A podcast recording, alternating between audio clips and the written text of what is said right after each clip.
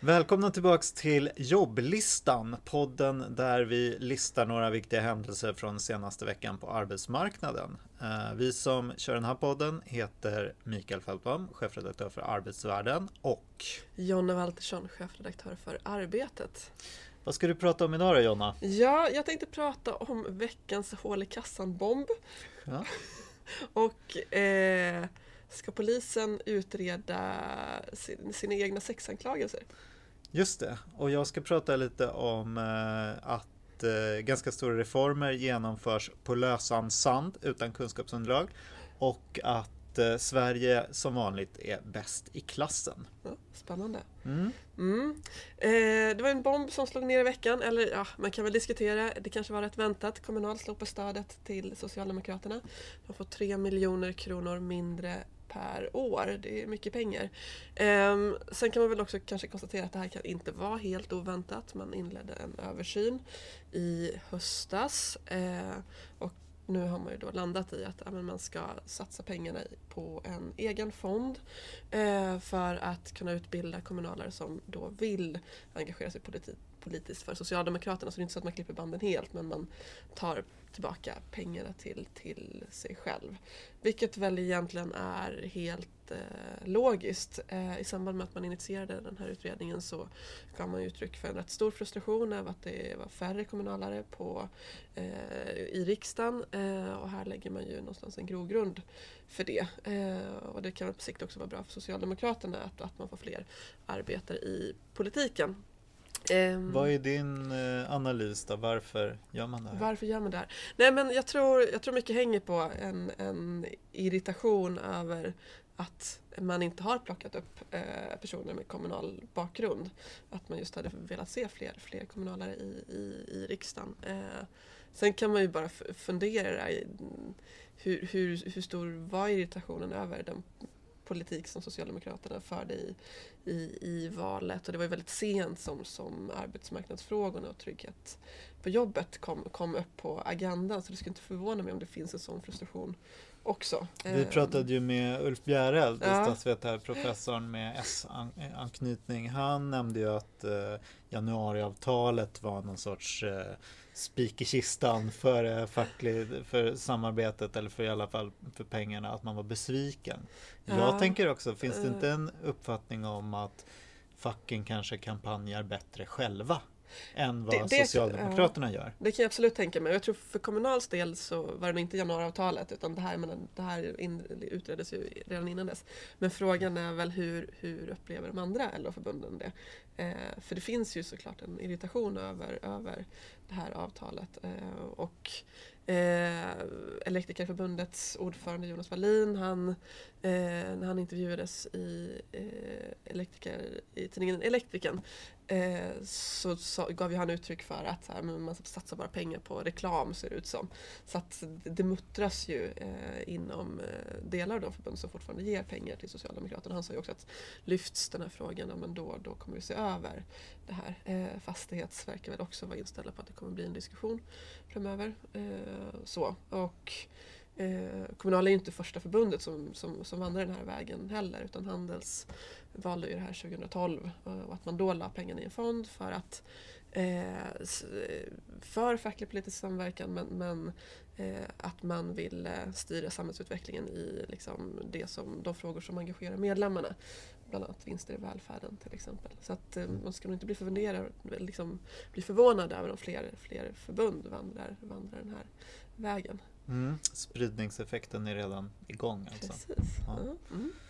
Ja, vi på Arbetsvärlden har vi ju tittat på Arbetsförmedlingen under ett tag. Den ska ju eh, göra stora reformer där och nu har vi tittat på hur det ser ut i Storbritannien. Ett exempel som ofta lyfts fram som ett lyckat exempel på privatisering av matchning. Eh, det vi kunde konstatera där var väl att eh, man delvis har samma problem som man ofta har vid privatiseringar, det vill säga att de som behöver mest hjälp får inte riktigt så mycket hjälp som de skulle ha. Eh, det fanns också problem kring leverantörerna. Alltså, det har ju ofta lyfts fram att det, var, det är ganska bra att ha få antal eh, producenter, leverantörer av tjänster. För då kan man hålla ordning och man kan ha bra rankningssystem och sådär. Det som hände här var väl lite grann att man fick för få så att man fick dålig konkurrens då istället. Och så fick man väldigt många underleverantörer i sin tur som var svårt att hålla reda på. Eh, och eh, sen så gav man också upp det här projektet då efter sju år som det var tänkt att vara. Mm, och mm. nu har man gått tillbaks till offentlig regi.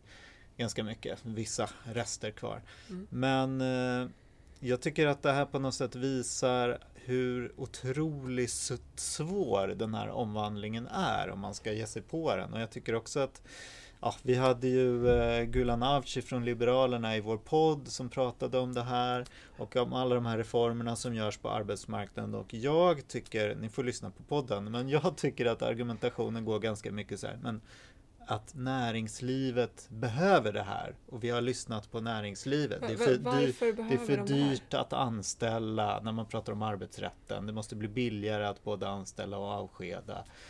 Eh, och att eh, ja, Martin Ådahl har ju varit inne på att det här ligger ju kring Arbetsförmedlingen ligger ju väldigt nära det Almega vill ha.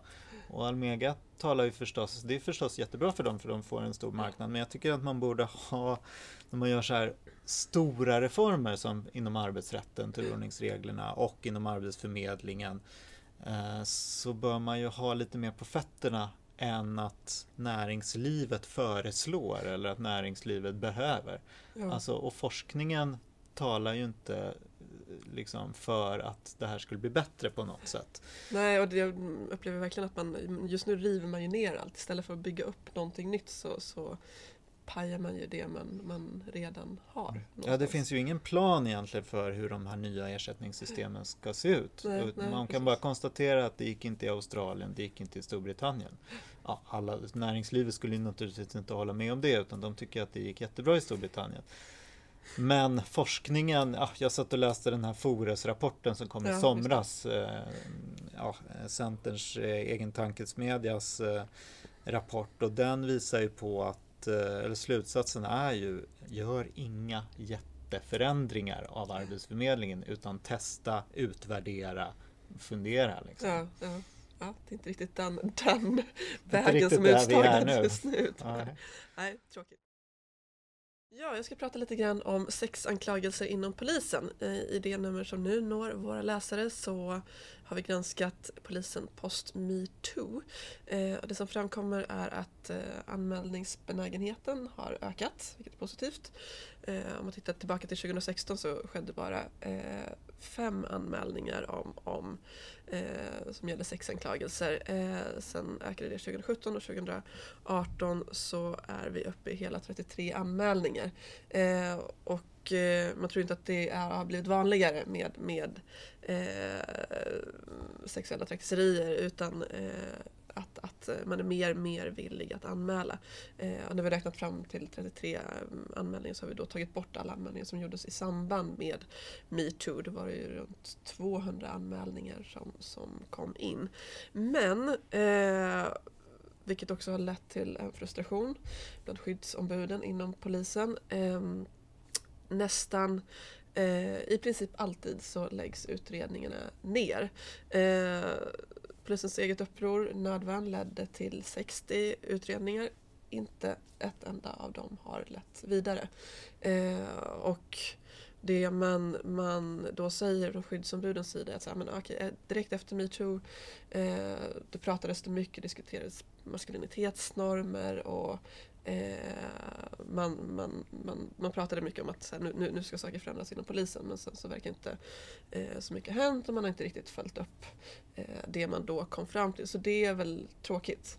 Eh, så. Men, men eh, något som också är intressant är att nu eh, kommer för första gången på, på tre år ett åtal väckas i alla fall. Eh, och I det fallet så fanns det eh, ett vittne så det är positivt men annars verkar det väldigt väldigt svårt eh, att, att komma vidare med, med de anmälningar som sker. Där kan man verkligen fundera på, är det rätt, rätt väg att polisen ska, ska eh, utreda sig själva? Eh, ja, det är väl en del diskussion om det. Det låter ju spontant inte så nej, nej, rimligt. Nej, nej precis. Eh, och det, jag menar, det är inte... Det, det är ett problem vad gäller metoo, eh, verkar det som. Eh, det kan också vara svårt för poliser att eh, vittna mot andra poliser. Det är någonting som, som lyfts i, i det här. Så det, liksom, problembilden är ju komplex men, men det känns ändå som att här, ja, man borde lägga den här typen av utredningar på en, en fristående myn, myndighet. Att man ska inte granska sig själv som polis. Eh, och det gäller inte bara metoo, det menar rasprofilering är en annan eh, sån fråga där, där man inte heller verkar kunna eh, utreda sig själv. Mm. Eh, olika dödsskjutningar mm, verkar man inte heller riktigt klara av. Så att, eh, ja, det skulle jag vilja slå ett slag för. Just det. Vad ska jag prata om? Jo, jag ska prata om eh, det här med att Sverige som vanligt är bäst i klassen. Och eh, den här gången så är det så att jag var på Medlingsinstitutets årliga konferens. De brukar ju presentera en rapport varje år kring löneutvecklingen framförallt, men då tittar de lite på Sveriges konkurrenskraft. Och då har man ju hört ganska mycket att eh, Sveriges BNP per capita har liksom utvecklats negativt och att svensk eh, andel av världsexporten faller och eh, det har varit en del uppmärksamhet kring saker som har gått lite dåligt. Men eh, Medlingsinstitutet lyfter fram och har jämfört med jämförbara länder. De har ett gäng på EU-länder, åtta EU-länder. Det är Tyskland, det är ganska tunga förstås och så är det ja, Nederländerna, Österrike, sådana länder vi brukar jämföra oss med. Mm. Eh, och sen har man lyft 13 OECD-länder eh, som mm. komplement till det. Och då visar det sig att eh, Sveriges BNP per capita utvecklas bättre än jämfört med de här eh, snittländerna. Eh, vår exportandel sjunk, den sjunker naturligtvis totalt för att Kina kommer och så vidare. Ja, ja. Men den sjunker mindre än för jämförbara länder. Eh, vår konkurrenskraft eh, ser också lika, likadan ut, så vi håller oss på samma nivå som andra länder i kostnadsökningar. Eh, ganska mycket beroende på att eh, kronan utvecklas svagt då. Mm. Eller ja, helt beroende på det. Eh, men i alla fall, vi håller nivån där. Um, det fanns också, det var så många goda nyheter så jag var tvungen att skriva ner dem. Uh, men, det låter nästan som att det är dags att korka upp champagnen. Ja, men det kändes faktiskt så på den där, eh, på den där eh, presentationen. Ja, vi har ju också förstås högre arbetskraftsdeltagande ja, än andra länder. Eh, trots då att kvinnor har kommit ut väldigt mycket på arbetsmarknaden ja, i Tyskland som är ett tungt jämförelseland. Okay. Så trots att vi ligger på en hög nivå så tappar vi inte. Liksom. Nej, okay. Eh, det som var den enda lilla negativa saken det var väl att vi hade lite sämre utveckling av handelsbalansen. Det okay. verkar bero på att telekom och eh, fordon blir mindre värda liksom, relativt mm. andra produkter. Eh, så Happy times! Happy, happy times, härligt! Ja. B är, är det här en uppmaning om att kräva eh, högre löner? Alltså, det vet, ja, jag kan nog inte säga någonting om det. Det är väl det är väl om vi vill ligga i den absoluta toppen liksom i att hålla våra kostnadsökningar nere år efter år efter år. Mm. Eh, då ska vi väl fortsätta som vi har gjort. Sen får man väl fundera på hur vi ska, vad, vad som är viktigt där. Ja, okay. tror jag. Kanske, kanske en uppmaning till fackförbunden att, att fundera på. Mm. Ska vi ligga i absolut toppklass eller ska, ska lönerna gå före? Mm. Bra. Just, bra. Vi är klara för idag. Ja. ja. tack så mycket. Tack så mycket. Lyssna på oss eh, nästa gång, gång om cirkus två veckor. Vi hoppas på det. Tack och ja. Tack och ja.